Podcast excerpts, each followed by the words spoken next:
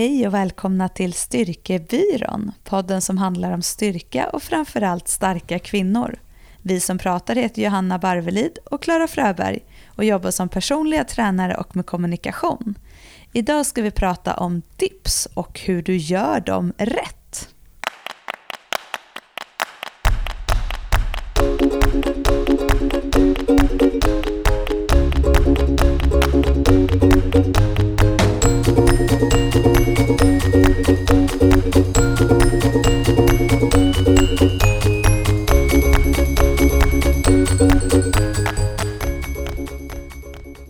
Dips är ju en sjukt tuff övning som många älskar för att den ger en grym skjuts när man vill få en muskeltillväxt i överkroppen. Men det är också en övning som många inte gör för att de får ont och som många får ont av när de gör. Eh, och Det är flera saker som spelar in eh, för att kunna göra dips eh, eller för att kanske inte göra dips. Och en förutsättning som vi förespråkar såklart är ju att man genomför dipsen med kvalitet. Och gör du dips på rätt sätt så kan övningen till och med vara prehab för axlarna. Och vi tänkte idag lista några punkter som du kan tänka på när du ska göra dina dips. Men eh, först Johanna, vi måste ha lite träningssnack känner jag. Jag har ju haft möjlighet att få hetsa dig lite i, eh, eh under ett träningspass som vi hade här häromdagen. Berätta. Ja, ja, det stämmer. Det var så sjukt skönt. Jag är ju, det var ju här för några dagar sedan och jag är ju fortfarande rätt trött i kroppen kan man ju säga. Eh, mm. och du höll ju på och eh, jag var ju lite så här, nej men jag, jag kör det här, jag testar, det känns bra. Jag har ju inte kört, eh, vad ska jag säga, jag har inte kört tungt skulle jag säga, men det beror på vad man, eh, vad man anser vara tungt. Men jag har inte kört så tunga pass sen Ludvig kom egentligen och det är ju snart ett år nu. Eh, mm. Men men nu har jag ju tränat två gånger med dig här på raken och eh, då har ju jag eh, varit lite så här, äh, men jag kör det här nu, det här är det tyngsta jag har kört och du bara, äh, det där ser lätt ut, lägg på lite till. och, sen, mm. och sen så har vi ju ändå pratat om det här att liksom för mig är det nu, nu när vi vet att kroppen håller, alltså jag har ju ändå testat liksom att hela tiden öka vikterna och gå väldigt så här, säkert och stabilt framåt. Men mm. att nu är det lite så här, jag behöver lite utmaning nu och jag behöver någon som pressar mig lite också bara för att få ta i. Och vi kom ju fram till det när vi tränade häromdagen att idag är det ta i-pass. Vi hade lite teknikfokus först och sen så fick vi ta i ordentligt. Alltså, ja. Och det är superhärligt. Alltså, sen är det ju för den skulle det inte så att vi bara släpper allting och så står med liksom ostkroksryggar och böjer med tunga vikter på ryggen. Det är inte det som vi menar när vi tar i, men det kanske inte är så att det är en perfektion i böjen som vi alltid vill eftersträva annars. Ja, precis. Och det, är, men det är mycket, jag är ju inne i precis slutet på en maxstyrkeperiod som jag har kört. Det mm. som är eh, det komiska med det är att då kommer du in eh, och kör på de vikterna som är mina tyngsta, där jag har gjort mina reps, PBn och sådana saker på sistone. Det kommer du in och kör som ditt så här, första tunga pass. Det kan ju vara lite provocerande för vissa eh, människor, typ mig, eh, efter graviditet. Men därmed, det spelar inte mig någon roll. Jag är ju van vid alltid att du, att du har kört så pass mycket, alltså liksom kört 50 kilo tyngre än mig på knäböj under träning och sådär. Så, så det, eh, det är jag rätt van vid. Men det som är nytt för mig, det är ju att det, att det var jag som står här under passet och bara “Kom igen nu, skärp dig”. Det är, bara, det är bara att ta i lite mera. När, du var ju lite så här, du, blev, du fick ju nästan en lite så här bekymmersrynka mellan ögonbrynen där ett tag. Ja, men det, jag var ju helt slut. Jag ville ju bara vila och bara, du vet när man börjar så här, tänka i huvudet så här, oh shit jag ska göra en tre år, det här kommer vara så jobbigt. Nej, men man börjar få de här lite negativa mm. tankarna. Inte negativt på ett sådant sätt att jag inte ville göra det, men ändå så här, man, man känner själv att man säger, åh oh, för fan, det var ju jobbigt, för det var ju mm. skittungt. Mm. Men det var också, det, det som jag sa till dig, så här, det är inte så att jag känner så här, det är så sjukt tungt i benen så jag knappt kommer upp, utan det är också det här mentala för mig, att ha en så pass mycket tyngre vikt på ryggen. Att mm. förut när jag tränade med den vikten hela tiden, så är det så stor skillnad, för då är man så van, när man kliver på med stången och känner den där vikten så är det så här, man känner igen den. Nu kändes det verkligen så här, åh jävlar vad tungt det är. Alltså fast, mm. ja, så, så det var ju verkligen, det var mentalt eh, tufft kände jag i, när vi tränade. Men Men som sagt, för varje pass man gör ett sånt här pass så känns det också, känner man ju också att man går framåt.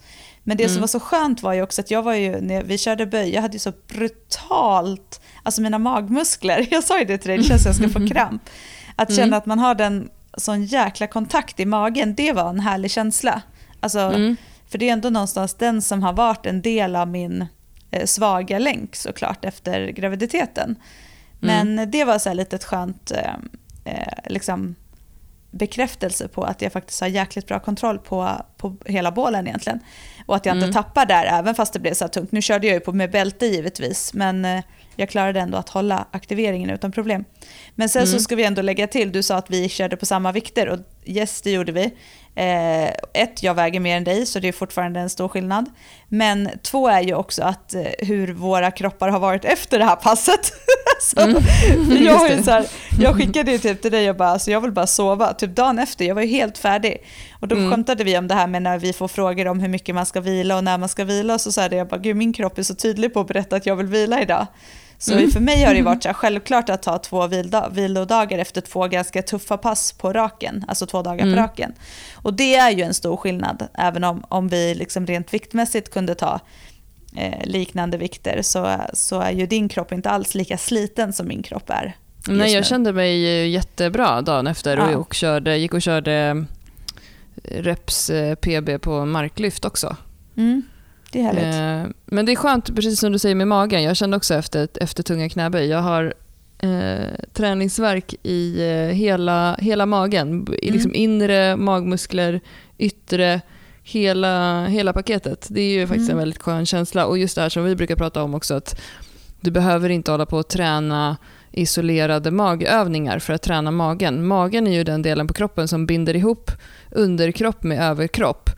Uh, och där vi har muskelkedjor som går kors och tvärs, både på framsidan av bålen och baksidan. Och vi tränar magen genom att utsätta den för rotationskrafter, för uh, stabiliserande uh, moment där vi måste stabilisera och, och spänna oss. Och det blir så mm. tydligt mm. när man får mm. träningsverk i magen av att göra knäböj. I love it. Ja, men det är superhärligt. Ja, men det är skönt. Mm. Jag känner verkligen att min kropp är happy att vara tillbaka i um, i liksom den verkligheten jag trivs med gym, gymvärlden. Mm. Mm. Anton sa det till mig typ häromdagen, han bara älskar du gymmet? Jag bara ja det gör jag. det är som när man pratar med barn som barn säger jag, jag älskar inte det. Ja, men mamma älskar gymmet. Ja. ja, men det var väl, han såg väl typ på mig också, så här, det blir väl lite skillnad när jag kommer tillbaka därifrån. Liksom också, att det är så här, ja, men det är ju så känsla tydligt. i kroppen. Ja. Känslan efteråt. Jag körde lunchträning när jag gjorde de här marklyften ja. eh, från mitt människojobb. Och jag faktiskt första gången, jag har ändå varit där sedan i november och för första gången som jag gick iväg på lunchen och tränade, för det ligger ett eh, satsgym nära. Mm. Ehm, och Det är mycket det här just att när jag väl är där så vill jag jobba effektivt och inte ta så långa luncher och så, för att jag är konsult. Ehm, mm. Men eh, gjorde det i alla fall och så kom jag tillbaka och var så jäkla peppad och bara woho! Och bara gud varför går jag aldrig lunchtränar? Och sen så, men du vet ju vad som händer där efter Ja, typ när man två timmar efter att man har gjort tunga marklyft. Då satt jag ju på ett möte och bara, ja. ja du, och så kände jag, jag bara, då vill man typ bara lägga sig på en soffa. Ja. Ja, jag, jag satt och tänkte så här, undrar vad de andra säger om jag lägger mig under bordet nu en stund och bara lyssnar på vad de pratar om. Men jag gjorde inte det. Nej, det är skönt. Ja, nej, men det är härligt. Och nu mm. har vi ju, vi har ju några fler pass inplanerade så det känns ju härligt.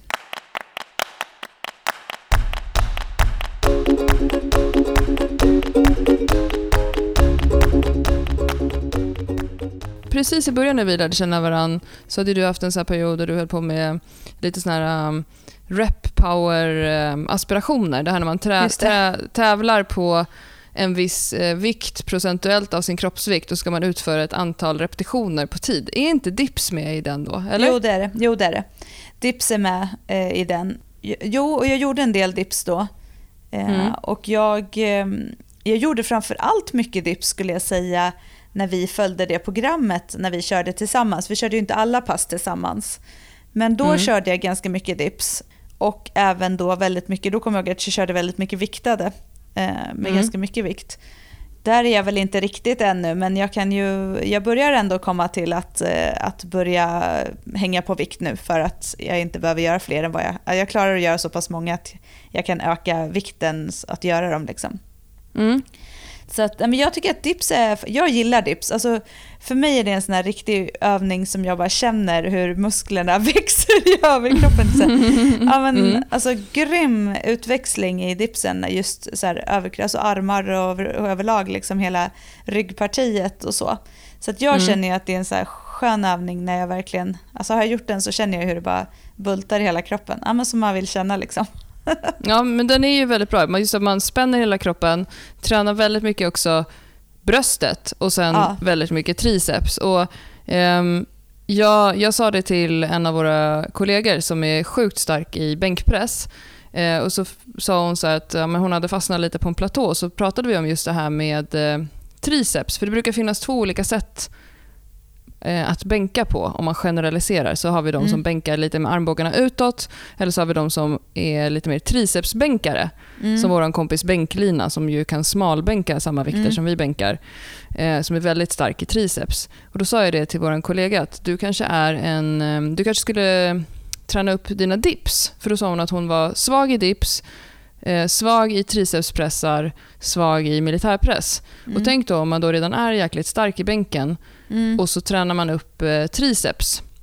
Då, kom, då, kan man kanske hitta, komma förbi någon slags platå eller ja, bli ännu starkare helt enkelt. Och Jag tycker också att dips är en grymt bra assisterande övning till all typ av eh, överkroppsstyrka.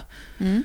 Men, eh, men det är ju som vi pratade om här i introt, det är ju många som... Eh, jag själv har också tyckt att det var lite läskigt med dips. För att man känner verkligen i rörelsen att, den, eh, att det är en full range of motion. Och Absolut. att lederna, lederna sätts på prov under rörelsen. Eh, och sen att det, alltså, det är ju många som alltid gör... Det är en typisk göra fel-övning, tycker mm. jag. När man ser också på gymmet. Ja, och du kan ju verkligen, hamnar du i fel position så, mm. har, så, så är ju verkligen, skapar du ju verkligen inte så bra förutsättningar för, för dina axlar exempelvis. Mm.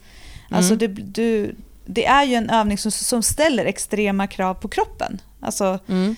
Och det är ju också alltså, styrkemässigt en tuff övning som vi sa. Så det är inte, det är inte något enkelt liksom. Men kan man lära sig att bemästra den och jobba upp sin styrka i den så tror jag att många framförallt kvinnor som, mm. som vi träffar, att man, alltså man skulle få ut det väldigt mycket av sin övriga träning. Och mm. man skulle också känna en skillnad i de andra övningarna, storövningarna och att man också blir starkare och eh, jag tror också att man skulle känna att man får lite mer muskler på överkroppen. Mm. Men just att tekniken verkligen måste gå först. Sen så, du och jag, vi är ju nästan som eh, papegojor känns det som när vi alltid pratar om teknik. Såklart ska ju tekniken alltid gå först, men om man jämför liksom hur pass avancerad och, eh, övning dips är mot att göra till exempel tricepspressar med hantel. Exakt. Eh, så, så, sätter det ju, så ställer det ju mycket större krav på tekniken såklart. Exakt, exakt.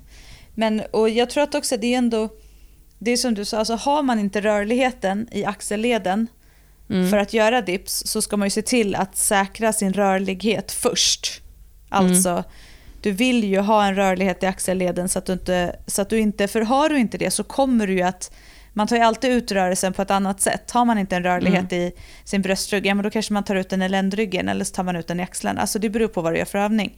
Och det är mm. lite samma sak, eller det är ju samma sak här. Gör, gör du då dips utan den där rörligheten i axlarna så kommer du ju får förmodligen få ont. Alltså det är väl därför dips också har en liten så här, inte vad ska jag säga dåligt rykte, men det är samma med bänkpress också egentligen. Det är, det är ju väldigt många som säger att ja, men bänkpress det är, liksom, det är en farlig övning, det är många som skadar sig i det. Ja, det är kanske många som skadar sig i bänkpress, men det är också en, en av de vanligaste övningarna som folk gör på gymmet, eller framförallt män då.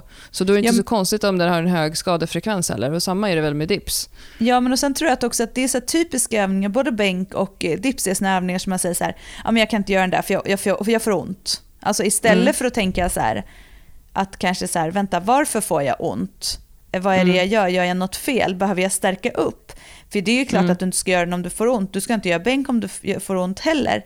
Men det kanske är så att du ska göra övningar för att stärka upp och sen kanske du ska jobba med bänk eh, med lätt belastning till exempel. För det är ju sällan, och jag säger inte att det gäller alla, för det finns säkert de som har undantag, men det är sällan dåligt att göra en rörelse om man, bara in, alltså om man har en lätt belastning. Alltså förstår du vad jag menar? Att Mm. jobba med olika rörelser är ju sällan farligt, utan det är ju att de är för tungt belastade. Det är samma sak, vi har ju många eh, kunder som, som kommer till oss och ska till exempel har fått att de ska göra marklyft men de har problem med ryggen eller vad det än är. Då Mm. handlar det ju inte om att, då handlar det om att de måste ju lära sig att göra den rörelsen kontrollerat. Mm. Och då är det klart att man lägger ju inte på 70 kilo då, utan då kanske det handlar om att man står med en pinne eller en 10 kilo stång och jobbar med rör, rörelsen. Och det är väl lite Mm. som, som, är, som du sa med bänken är det väl lite så, i- dips är det ju svårare för att har du inte styrkan kan du inte jobba med rörelsen. Mm. Och axeln är ju en, en, eh, liksom en klen led, om man säga. Det är en kulled, så att Mm. den kan röra sig åt alla håll, precis som höften.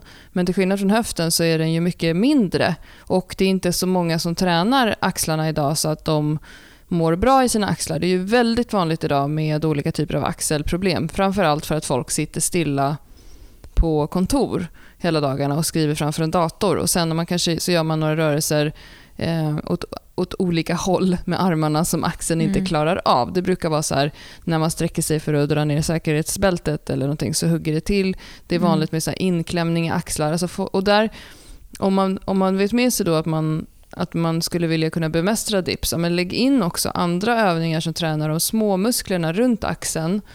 Eh, och, så att man hela tiden mår bra i den rörelsen. För att det är ju precis som med tunga knäböj också, att många, många tänker inte på att de inte kan sitta på huk på golvet utan att lyfta på hälarna till exempel. Mm. Eh, men ändå så vill de gå in på gymmet och, eh, och lägga på en tung skivstång liksom, på axlarna och jobba upp och ner. Mm. Så att eh, axeln är ju verkligen ett parti som man behöver ta hand om. Men kan man göra dips ehm, så är det ju en, verkligen en helkroppsövning men som också framförallt bygger överkroppsstyrkan på ett bra sätt och som också tycker jag, du och jag brukar ju lägga in, inte dips, men när vi har bänkworkshop så brukar vi ju ibland låta folk prova att hänga i hollow position i en dipställning. Mm. Det vill säga bara testa om de kan klara av grundpositionen för att göra dips. Att ha en anspänning i kroppen och hålla armarna tätt längs kroppen och hålla i sig i räckena och pressa sig själv uppåt från räcket. Det brukar vi Mm. göra, be folk eh, testa om de kan som, som för ett intro till dips och för att få se och testa hur det är att spänna hela kroppen och framförallt spänna överkroppen. Ja men precis, och det, det, det är en sån sak som vi säger. Nummer ett är ju att man, ska man göra dips så ska man klara av att hänga i hollow position. Och Mm. sen att man kan jobba som liksom steg två, att man klarar av att jobba ner. Alltså att man Mm. håller emot, så att det blir som en excentrisk dips kan man säga. Att man bara jobbar Mm. ner och sen sätter man i fötterna och så hoppar man upp igen, skapar anspänning, hollow position och sen så håller emot ner.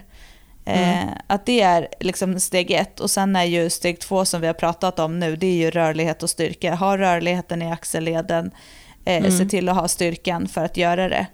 Eh, Mm. Och att, att, så, att du är, så att du skyddar din, dina axlar och, och liksom de leder som är, sett, utsatt, som är utsatta. Mm. Och sen att man, att man kan ta hjälp eh, som nummer tre med gummiband, att man skalar, skalar dipsen så att man också kan hantera dem.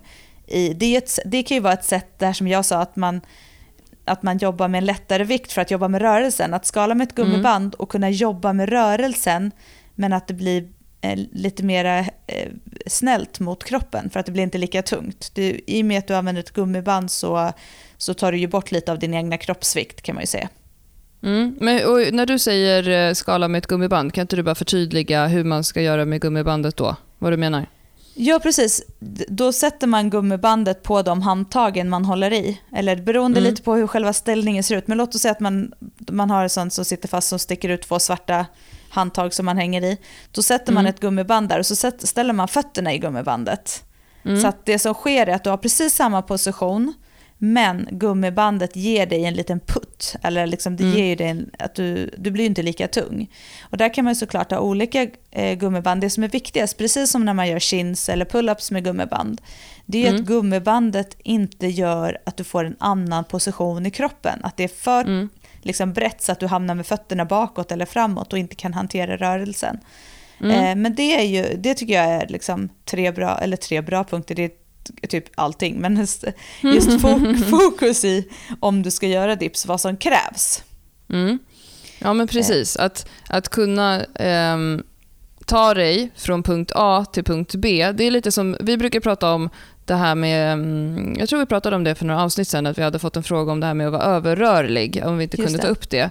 Ehm, och att de flesta inte är överrörliga, men de flesta som upplever sig själva väldigt överrörliga är ju så personer som kanske inte har styrkan och stabiliteten att kunna ta sig från, punkt A till punkt B i en rörelse utan att behöva liksom knorva tillbaka sig. Och när vi pratar om, om vi då ska prata om vad faktiskt ett dips är för någonting, för nu har vi inte Mm. sagt det på hela det här avsnittet, så är ju det när vi skapar en rörelse i armbågsleden till ungefär 90 grader, brukar man säga, är en rekommenderad plats i dips. Man sänker sig ner, man håller i sig två handtag på raka armar och så sänker man sig ner så att armbågarna går bakåt. Mm. Och då tar det väldigt mycket i triceps. Eh, och, och det som du sa, att det är viktigt att man kan göra det kontrollerat ner. Om man inte kan det, om man inte har styrkan och stabiliteten och bara eh, tjoffar iväg och liksom faller ihop neråt. Dels så får man ju då, tror jag, en väldigt hög belastning på axelleden för att det blir som ett ryck och man liksom snappar av axelleden nästan i botten om man inte kan göra den här rörelsen kontrollerat. Men sen också att om man har problem med axlarna eller så, det som man ofta ser då det är ju att folk gör dips med eh, axlarna uppdragna under öronen. Mm.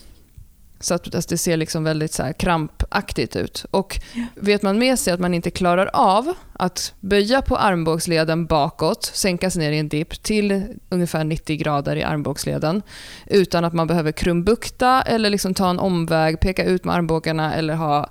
Eh, och vilket leder till att man då kanske gör en mycket mindre rörelse. Att man liksom gör så här litet juck nästan bara i rörelsen. Då eh, tycker ju vi att det är bättre att man inte gör rörelsen alls. Mm, absolut. Killdips kallar vi det också. Okej, jag ville säga det men jag vågade inte. Killdips, det är sådär när, när det är någon som bara så, håller, eller så gungar lite i, i dipställningen så att de bara, det bara blir så här miniböj, miniböj, miniböj, miniböj, miniböj, miniböj. Och Ja, så men gör de exakt. typ så här ja. 25 repetitioner, typ as snabbt och de, så hoppar de därifrån och så, så ah, sträcker de lite på sig. Det är Ja, typ exakt. killdips. Ja, och det såg jag häromdagen. Jag såg det för bara några Ja. veckor sedan på, på gymmet. Men det är också väldigt vanligt när, det är så här, när folk säger så här, jag kan göra 50 armhävningar. Och så bara Ja, ser ut som att de ja, vickar Ja. lite på hakan upp och ner. Liksom. ja. Eh, och det, det finns, det, finns säkert en, eh, de, de, det finns säkert en mening med dem också. Vem, vill, inte, vem vill inte göra 50 stycken eh, dipsjuck? Det kan vara kul.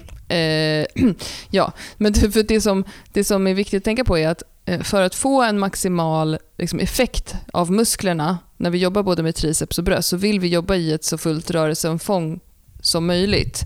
Och då måste vi gå ut till minst 90 grader i armbågsleden. Eh, men då måste vi alltså kunna klara av den. Och jag tror, och nu killgissar jag om killdips. Mm. Ehm, Det är bra Klara. I den här Eh, podden ska vi aldrig killgissa, men Klara bara gör om det. killdips. Klara gör det lite då och då. Klara killgissar. För mig funkar det i alla fall. Nej, jag skojar Ja. bara. Eh, nej, men just att när man gör en mycket mindre rörelse, mycket fler repetitioner i en mindre rörelse, ungefär alltså som att göra kvartsknäböj eller så, medans, men det är en helt annan rörelse att göra kvartsknäböjningar. Men att göra kvartsdips, många, det tror jag ändå är en stress för axelleden. Mm, du killgissar lite, men eh, ja. Jag Alltså, killgissar lite. Kan inte jag bara få säga en rolig sak som inte alls Okej har med det här att göra, men apropå det här med att killgissa om killdips. Det är ett av mina favoritklipp med Kelly Starrett som driver Mobility Ward i USA. Det är när han förklarar manspreading. ja. Eh, att, att det har en funktion för män som har problem med rörligheten i höften. Och, då, säger, och då, heter, då säger han i klippet så här A manspreading man it's, is not trying to mansplain, he's trying to survive. Det är rubriken. Det tycker jag är bra. Ja, det var bra. Bra. Tjong tjong, går vi vidare. Nu slutar vi med killgissningar. Exakt.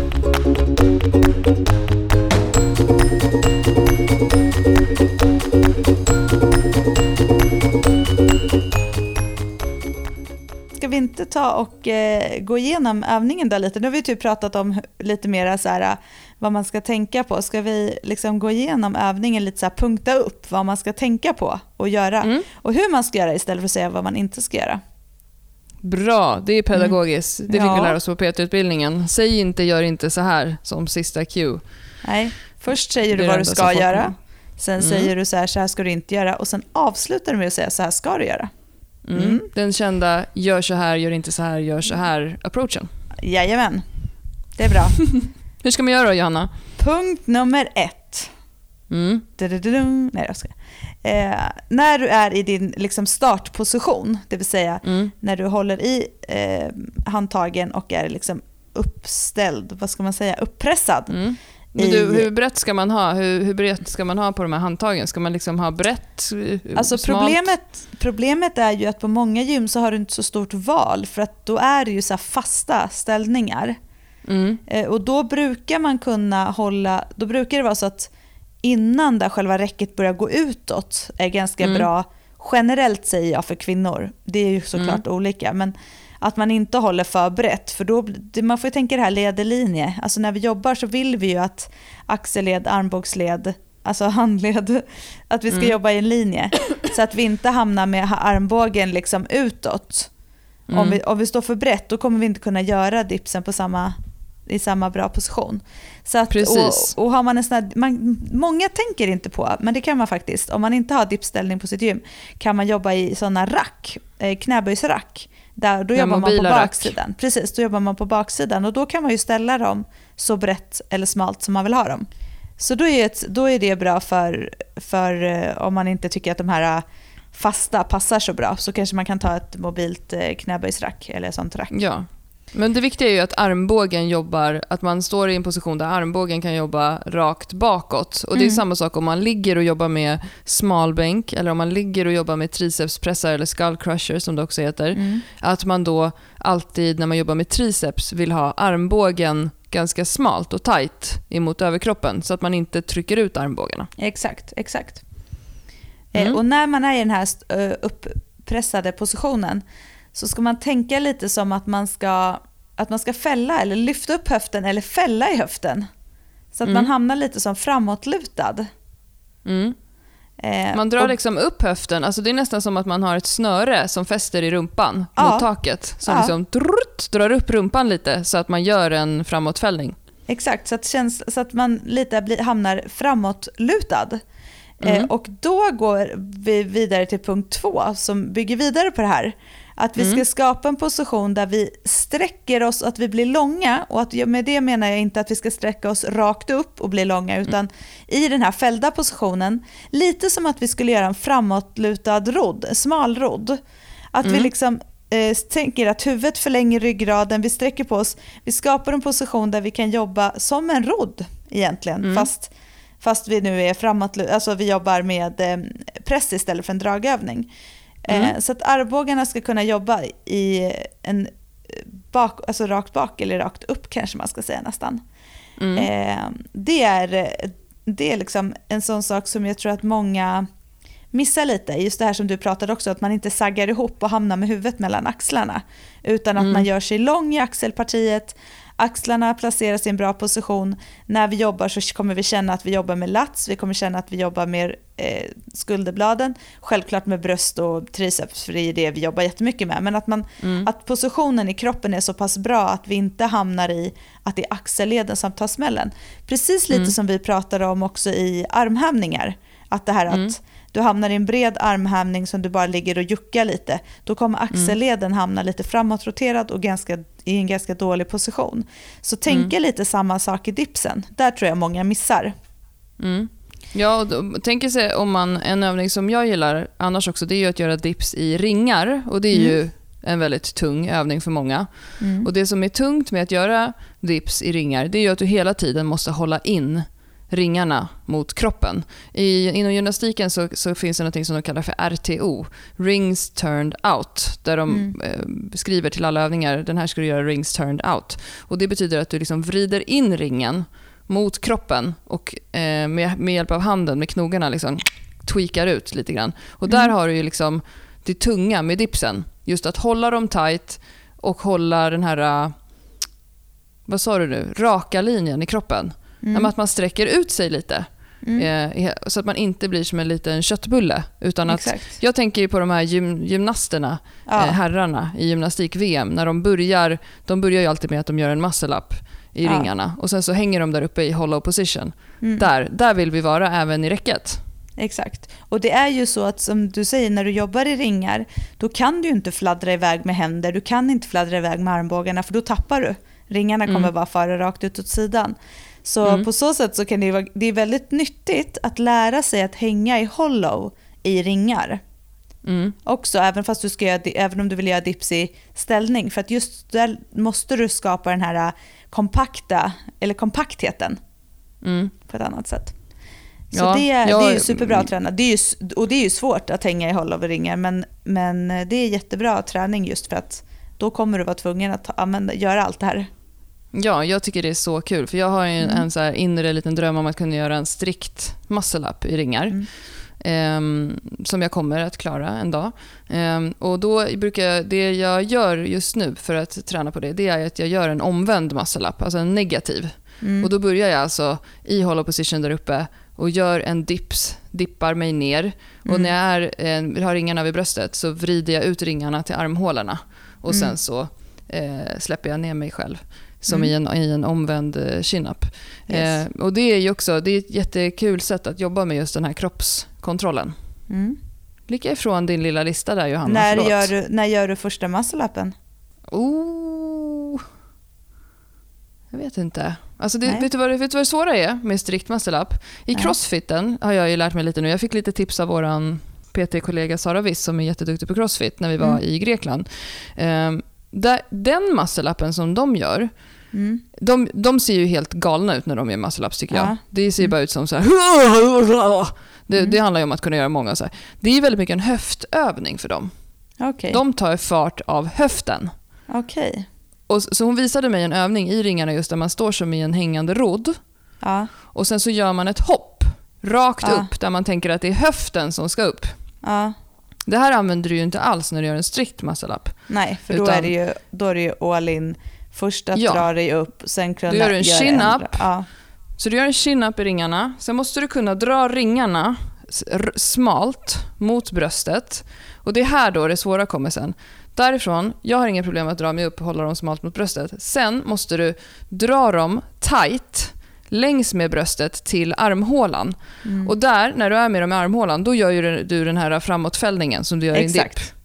Och, då, och där måste du kunna hålla kontrollen och hålla den sådär tight. Mm. Och sen trycka upp höften och trycka dig upp i en i, i, från botten av en dipp. Mm. Um, rakt upp. Så att, och just den här rörelsen, och det har jag också tränat på då, att um, att stå med fötterna i golvet och hänga som i en roddposition. Och då har man ju också false grip mm. i händerna. Och så har man, trycker man ihop ringarna på bröstet och sen gör man den här lilla öppningen, att man öppnar upp och bara går till, eh, ut till armhålorna. Det är supersvårt när du hänger, att behålla den rörelsen. Mm, men, men, det, det var fortfarande inte, det var fortfarande inte ett svar på när du skulle göra den. Eh, nej. Jag får väl... Um, Nej, ja, sätt, ett, sätt en tid du ska göra det och träna för ja, men det. Jag, men fasen, i, i, om ett halvår. Jag måste väl träna på det regelbundet också. Jag har inte följt något program direkt. alltså, nu jäklar alltså. Ja, Okej. Okay. okay. bra. Om okay, fyra månader. På, bra, fyra månader. Det är alltså, idag är det då början av juli. Alltså strikt muscle up, alltså hur svårt är det för en kvinna oktober. att sätta egentligen? Slutet av oktober så gör du en strikt muscle up, det blir bra. Då har vi bestämt right. det. Okej okay, då, början av november. Till Thailandsresan. Vi åker ju fan till Thailand i november. Då ska du göra en strikt muscle-up. Okej. Okay. Ja, det är skitbra. Då har vi satt det. Alla har hört det nu. Klara ska göra en strikt muscle-up innan vi åker till Thailand i november. Punkt nummer tre i våran dips, i våran lilla dipstips. Dipstips! Dipstips! Det är jättebra. Dipstips. Eh, punkt nummer tre. Eh, fokusera på nedvägen, alltså det vill säga precis som du pratade om tidigare i det här avsnittet. Du mm. måste kunna göra en kontrollerad nedgång så att du inte mm. tappar allting. Utan mm. eh, jobba kontrollerat och strikt ner för att när du väl ska pressa så är det ju bara att pressa, som är bara att pressa inom situationstecken. Men, mm. men eh, därför är det också viktigt att lära sig att, att jobba ner och därför kan man jobba excentriskt ner om man inte klarar av att pressa upp sig. Att man ändå fokuserar på att göra den rörelsen väldigt fint och kontrollerat. Och det är mm. lite som i bänkpressen också och lite armhävningarna skulle jag säga som vi tjatar om. Det här att framförallt i bänken att många när de lyfter av stången så bara tappar de ner stången istället för att tänka att man ska ro ner stången eller liksom jobba mm. kontrollerat. Mm. För att så fort du tappar stången ner eller gör, gör en rörelse där du tappar kontrollen så kommer du tappa din anspänning. Och har du en mm. tung vikt då så kommer du inte klara att pressa upp den och det är samma sak här. Tappar du hela eh, kontrollen och aktiveringen i kroppen så blir det väldigt svårt att pressa upp din egna kroppsvikt för det är ändå det du gör. Mm. Så det är ju väldigt mycket det man, nu killgissar jag igen, men när man inte har styrka, när, när man, när, om jag vill fuska mig igenom en för tung bänk eller en för tung, låt säga dips, det har jag aldrig vågat göra, eh, men så vidare. Mm. Eller knäböj för den delen, som många gör. Eh, så är det ju precis det man ofta gör, att man hetsar igenom det för att det ska gå lite snabbare, för så att det här mm. verkligen är över snart. Och då tappar man, precis som du säger, den här anspänningen. Men tittar man på, på nu har ju precis styrkelyfts-SM varit mm. eh, i Sverige. Tittar man på de som är riktigt starka i bänk, eh, de som lyfter mest, så är ju vägen ner till bröstet otroligt långsam för mm. många. Och där är de svinstarka. För hade de hetsat sig igenom där, eller hetsat sig ner i sin knäböj, då hade de ju bara eh, fallit ihop som ett korthus. Okej, kanske inte fallit ihop som ett korthus, men du fattar vad jag menar. Tappat, tappat. Kon tappat, kontrollen. Ja. Det handlar om att göra sig själv till, till en fjäder. En, och då menar jag inte en lätt som en fjäder på, på en fågel, utan en fjäder i en motor eller en fjäder i liksom... Eh, ja, du fattar. Spänna upp jag sig. Fattar. Ja, absolut. Nej, men det är superviktigt. Så att den det ska man ta med sig. Det är ingenting blir lättare för att man gör det fort. Och studsa i en knäböj eh, kommer aldrig komma speciellt långt med när du ska jobba tunga vikter. Nix. Punkt nummer fyra. Det har vi varit inne och snuddat oss på lite här, det här med hur djupt man går. eh, mm. När vi säger gå inte djupare än 90 grader så tror jag att vi får visa nästan på, jag tänker att vi ska lägga upp en film när vi gör dips lite så på vår Instagram, eller kanske lite mm. flera stycken olika. Det är, vissa saker är ju svårt att förklara, men som sagt, mm. vi lägger upp lite så kan vi visa på det. Men det man, det man eh, i alla fall vet och det man ser är ju att går du djupare än 90 grader, alltså det vill säga att du tänker, det här, det är också många som säger, så typiskt gröna, att man ska ner och nästan nudda axeln i liksom handen. Alltså Förstår du mm. vad jag menar? Ja, att ja. Går, går du för räcket, djupt, liksom. ja, precis, går du för djupt så, så, så kommer du också utsätta dina leder och ligament för en ökad belastning som inte är bra och du kommer hamna i dålig, dåliga positioner. Så att mm. Eh, du, vi vill ju jobba där vi är förpackade och stabila och där vi skyddar, skyddar våra axlar, axelleder. Eh, att, ja, och, och, när vi säger 90 grader så menar vi alltså att man böjer armen. Exakt, så exakt. att den blir som en 90 graders vinkel. Precis, precis bra där. Punkt. Inte att man böjer kroppen. Det är så roligt för vi tycker alltid att vi förklarar för att vi vet precis vad vi menar när vi pratar. Men folk ser ju framför sig liksom helt sjuka saker ja. när, vi, när vi pratar. och så här. Jaha, menade att man skulle ligga på bänken och jag tänkte att man skulle hänga ja, i ett räcke. Och ja. jo, men då det är ju så här ibland när man säger saker också. Så man har ju en, en så bild i huvudet eh, mm. liksom, vad man förklarar. Och sen mm. så liksom när någon annan ska typ återförklara eller man hör någon så säga ja men så här fick jag veta och så hör man det. Och så inser man mm. men gud det var inte alls så där jag menade.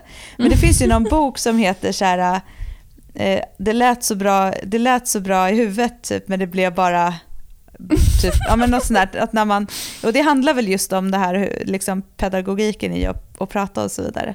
Att mm. man, eh, just det, vad man säger, man tycker att det låter så självklart och så blir det något helt annat när man pratar för att man inte kan mm. förklara det. Det är ju svårt att förklara övningar och, eh, och sådär just utan att ha något, liksom, att bara förklara mm. det med ord. Men det är nyttigt mm. också att göra det ibland. För då inser man, mm. gud vad säger jag egentligen på gymmet? Alltså jag tänker ju att ibland så måste mina kunder tycka att jag är helt korkad när jag ger cues. ja, men det, det verkar ju som att det har gått bra för dina kunder ändå, Johanna. Ja, att, det är det så.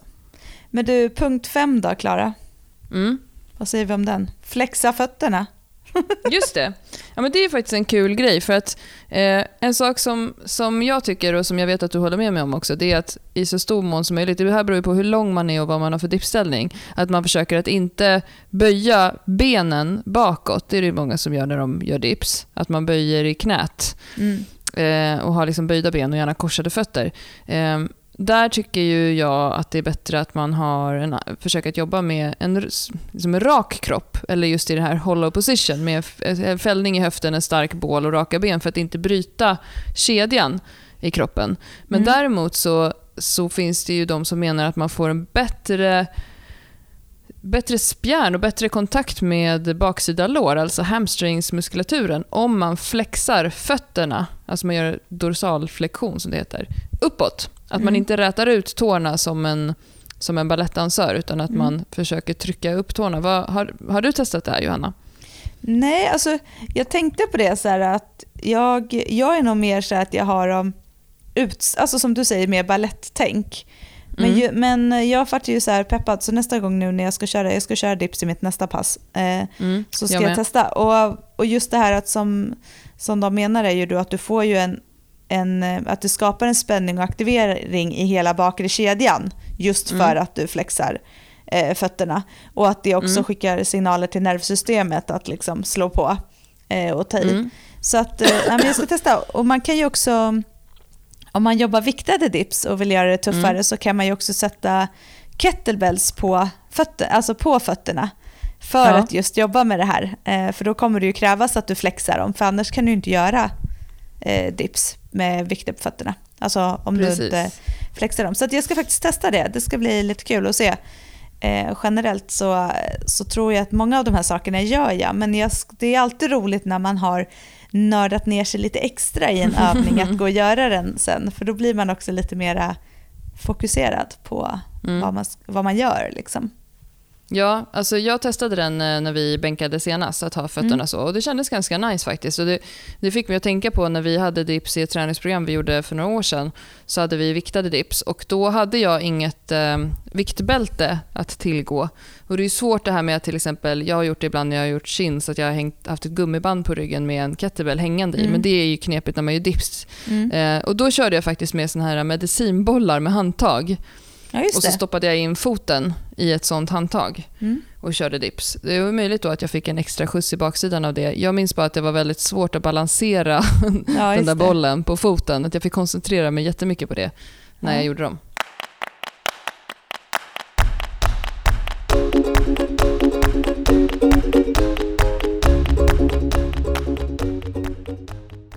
Bra punkter. Men du, annars då Johanna, om man, alltså, om man tycker att eh, så här, men jag kan lätt eh, dra av 20 dips, liksom. hur ska jag då jobba för att avancera dipsen? Nej, men som, som den träningsprincip att, som gäller när det gäller just det här eh, att bli starkare så är ju dips en typisk sån övning att vill du bli starkare i dips så behöver du öka belastningen istället. Det vill säga kan Mm. du göra 10 eh, dips utan problem för att bli starkare då och kunna göra eh, tyngre dips eh, och även då flera i slutändan så behöver du lägga på en belastning. Mm. Så jag, jag brukar ju rekommendera, jag har några kunder som, som ändå gör en del eh, dips. Och att när de kommer upp till typ 6-7 repetitioner, att man precis som i all annan eh, ökad styrkaträning, alltså att man vill bli maxstarkare, att Mm. man då lägger på vikt och så behöver man inte jobba fler repetitioner. Så att, Precis. eh, så att dips är en så typiskt bra övning som kan du göra över sju stycken så börja lägga på lite vikt och göra lite färre. Och Precis. eh, då kan man ju också lägga på att göra bara några få repetitioner och sen göra några fler set istället med vila emellan. Ja, och har man inte möjlighet att hänga en viktplatta på ett viktbälte så runt sig, då kan man faktiskt använda ett sånt här gummiband som vi pratade om som kan assistera, där man sätter fötterna i ett gummiband så att man får extra hjälp. Då kan man ha gummibandet åt andra hållet, att man fäster i handtagen och så lägger man gummibandet över axlarna. Just det. Och då måste man trycka upp, då får man extra liksom, eh, tryck i uppfasen.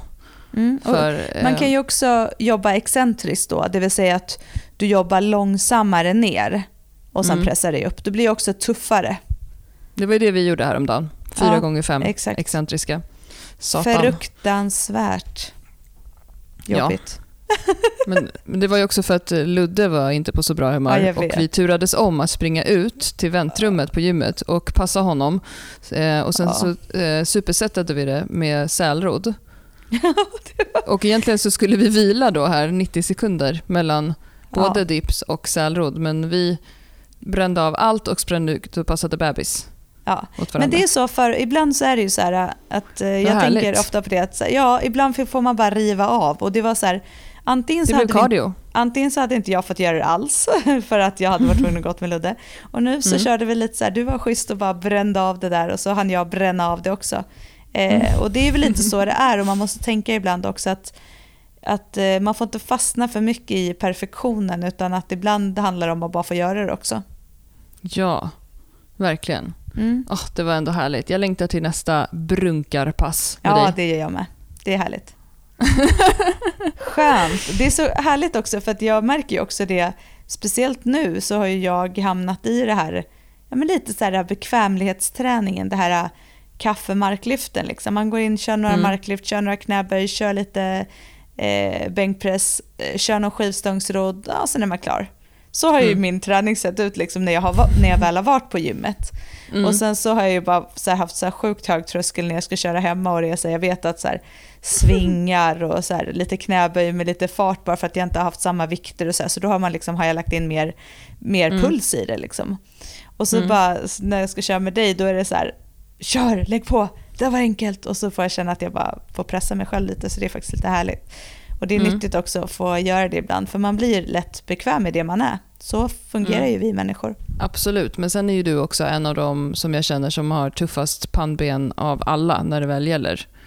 Så att eh, du, du är inte som alla människor. Nej, men, eh, men eh, just nu är jag lite bekväm i min träning. Jag tycker att det är väldigt skönt att Men det går ju mina- framåt, det är ju det Ja. viktigaste. Jo men det är ju och det är det vi har pratat om. När man är i en situation där man kanske har haft ett större avbrott eller en annan typ av träning som för mig har det varit att jag har tränat annat liksom, eller inte lika tungt och så vidare. Så Mm. är det ju så att all typ av förändring, all typ av träning du gör kommer ju att hjälpa dig. Om, det, Mm. alltså, om den då är åt det hållet du vill komma. Alltså det vill säga att Mm. är jag på gymmet och gör mina bänkpressar och knäböjar och marklyft och rodd, även om inte det är så stenhårt och liksom jättefokuserat så kommer det att ändå göra att jag kommer framåt för att jag har ju Mm. gjort det så mycket tidigare. Så att, Mm. Och det är väl det som jag tror för mig var ju så här, en stor framgång i när jag släppte all den här pressen på mig själv att jag ska tillbaka, jag ska tillbaka, jag ska tillbaka. Och, och för mig när jag pratar ska tillbaka, det säger jag alltid för det är så viktigt för det handlar verkligen inte om eh, kroppsligt i vikt utan det handlar om eh, vad jag orkar lyfta. Alltså för mig är det att Mm. komma tillbaka, det är att lyfta sådana vikter som jag har lyft tidigare. Eh, Mm. och, och när jag släppte det och bara lät passen få vara lite så, så var det ju faktiskt så att det var då det började hända grejer. För att dels så tränade jag ju mer för att jag satte inte som press på mig varje gång jag skulle till gymmet. Och det Mm. var ju så här flera gånger som jag bara, jag bara körde det här. Jag fick så här feeling och så körde jag en cirkel med de här övningarna för att jag hade inte så stor press på mig själv och då, då blir det ju skillnad liksom. Mm. Mm. Ja, och det kanske var då det blev roligt. Ja men lite så tror jag. Och att- roligt är ju faktiskt också en koefficient som behövs om det ska gå framåt, för annars har man ju ingen motivation. Nej, och det är lätt att det blir då att man väljer att inte göra det istället. Och, och just det här att, att bara få känna att man, man bara får någonting gjort. Man behöver ju oftast en förändring. Och det, Mm. det är då det, det är viktigt att man inte börjar liksom låsa upp sig i att det ska vara den här perfekta, perfekta programmet eller något. Utan snarare att man får det gjort flera gånger. Mm. Mm. Och nu är jag fasen där igen. Nu var jag ju där, där jag ville vara. Där börjar jag komma nu. Ja, när ska du göra din första muscle-up då? Ja, jag, jag har faktiskt inte haft eh, Mhm. någonsin att göra en muscle-up eh, som mål, men eh, låt mig fundera på den så ska jag se. Mm. Eh, Ja. Men ja, det är en sjukt tuff, tuff övning. Jag har haft kunder faktiskt som jag har lärt göra muscle-ups. Det är Men bra. man behöver, man behöver ju faktiskt inte kunna göra det själv för att lära ut, så är det ju. Det är ju sanningen.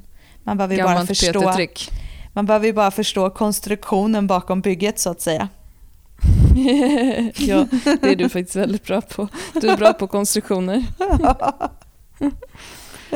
ja, Jag är också Men bra du... på att städa. Nej, jag skojar. Ja, det ska vi inte gå in på. Men du, jag tänkte vi skulle gå tillbaka till det här med dipsen innan vi avrundar. För okay, att det finns en sak som vi inte har pratat om idag, Johanna. Ja. Eh, och Det är det här med eh, att sit, sittande dips mot bänk. Det är väl en övning som framförallt inom eh, föreningsrörelsen och idrotten är, näst, är vanligare än att man gör dips mot en dipställning eftersom att mm. väldigt många i grupp kan göra många dips ja, mot bänk. Det är ju det. Brukar du göra den med kunder? Nej, det gör jag faktiskt inte. Eh, av den anledningen mm. att det är väldigt svårt att göra en dips mot en bänk och få en bra position i kroppen. Mm. Jag, jag, har gjort det på, jag har gjort det på något pass ute faktiskt. Eh, mm.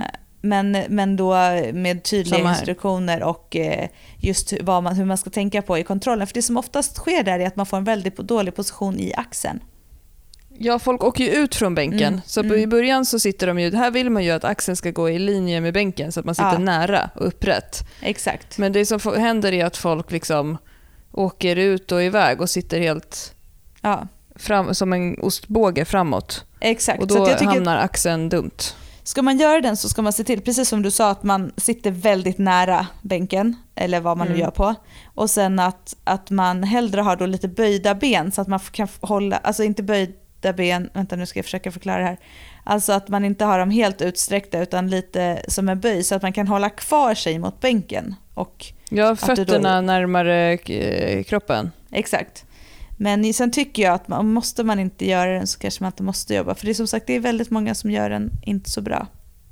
Mm, och där kan sätta en stor stress på dåliga axelleder. Men däremot mm. så är det ju så här, det är en praktisk kroppsviktsövning ja, att absolut. dra fram. Och är man på ett utomhuspass i utegymmet eller så här, med sina eh, kompisar i parken, då har man ju inte med sig hantlar. Men är jag i gymmet med en kund och vill träna triceps och den personen inte har styrkan att kunna hänga i en dippställning, då gör jag ju hellre tricepspressar med hantlar eller smalbänk. Ja men exempel. precis, jag gör också andra övningar för triceps, absolut hellre. Men som du mm. säger, det är en övning som man kan jobba med ute med sin egna kropp. Så att, tänk bara på att jobba nära bänken så att det inte hamnar för långt ut. Mm. Man blir alltid vi... så sugen på att träna när man pratar så här i den här vet. podden. Jag ska göra dips imorgon. Jag också ju. Mm, mm, mm. Då rapporterar vi till varandra. Ja, det gör vi. Mm, mm. Härligt. Bra. Men du Klara, jag tycker att du får ta och eh, summary. Summary? Yeah. yeah. Summary. Idag har vi pratat om när jag hetsade Johanna att eh, tungrepsa knäböj förra veckan. Ehm, och vad som händer då. Vi har också pratat om dips framförallt idag. Vad är dips för övning? Dips är en övning som framförallt tränar bröst och triceps, men som är en fantastisk möjlighet för den som vill eh, öva upp sin kroppskontroll. Att bara öva i att hänga i hollow position och möjligen att kunna sänka sig ner kontrollerat. Vi har pratat om hur viktigt det är med tekniken i dips, att skydda axelleden, att ha en fullgod rörlighet, att ha en stabilitet och att ha styrkan för att klara av den innan man sätter igång och övar på den. Eh, och vi har pratat om några cues, eh, några saker att tänka på för att göra bra dips. Till exempel att kunna fälla i höften, att lyfta upp höften, att göra sig lång, att vara lite framåtlutad i dipsen, ungefär som att man skulle göra en framåtlutad stångrodd. Eh, och att fokusera på nervägen. Eh, det är liksom knepet. Att helst inte gå djupare ner än 90 grader om du inte är jättestark och klarar av det väldigt bra. Ehm, du behöver alltså inte göra det djupare för att få eh, riktigt bra eh, payback ifrån dipsen. Och Sen kan man testa om man vill, om man tycker det verkar intressant, att ha raka ben men att flexa fötterna för att eh, skapa en anspänning och aktivering i baksidan av kroppen. Eh, ja, många menar ju att det blir mer triceps i dips om man är väldigt upprätt och många menar att det blir mer bröst när man hamnar framåt. Men eh, det beror också lite på vad man har för utgångspunkt. Och jag tänker också att så här, hur långa armar och så man har påverkar hur man kommer jobba i dipsen såklart. Ja, och, eh, men även som du sa där med bröst och triceps, att eh, vad du än ska jobba med så är det ändå positionen och rörelsen som måste vara i fokus. Du kan inte ändra att jobba med en sämre position för att slå Mm. på mer triceps. Det kommer inte funka inte så, utan då får du också jobba lite andra övningar. Men självklart har det med hur långa och korta armar och li- liksom hävarmar och allt vi har, vart det blir mer fokus. Mm. Bra. Så eh, berätta, vad har ni för relation till dips? Man kan alltså ta hjälp av ett gummiband eller man kan också skapa motstånd av ett gummiband för att jobba med övningen. Ut och dipsa mer eh, och eh, berätta för oss. Gillar ni övningen? Hatar ni den? Hur mår era axlar? Eh, testa. Chips och dips. Du förresten, Johanna. Ja. Jag tänker att vi skulle påminna om en sak nu när det är många som drar iväg på sommarledighet och sådär. Vi har fortfarande ehm, lite platser kvar på... Vi har ju dragit igång massa aktiviteter till hösten och den här gången har vi faktiskt varit duktiga. Du och jag är faktiskt annars sämst Ja, på att eh, planera i förväg ja. innan vi släpper grejer och sådär. Men nu har vi faktiskt i god tid släppt både en, faktiskt en grupp eh, till hösten, eller två grupper, som kommer att jobba med just överkroppsstyrka. Där man kan bli bättre på bänk, dips, chins. Generellt eh, eh, bli eh, ja, starkare i överkroppen i både drag och press. Så det kan man kolla in. Sen har vi också eh, två grupper som startar i basövningar. Knäböj, marklyft, bänkpress. Inte illa pinkat det heller. Och sen så Nej. har vi, jag tror att den ena lyftarhelgen är typ full, jag minns inte. Men vi har någon plats kvar i den andra lyftarhelgen också. Vi kommer ha en Ja. helg där man jobbar med de här övningarna. Så man kan kolla in på vår hemsida, eller hur? Jajamän, styrkebyrån, styrkebyran Mm. eh, .se slash lyftargrupper. Och Ja, det är helgen i oktober som är full, men man, är man intresserad av den så kan man mejla att man vill stå som reserv.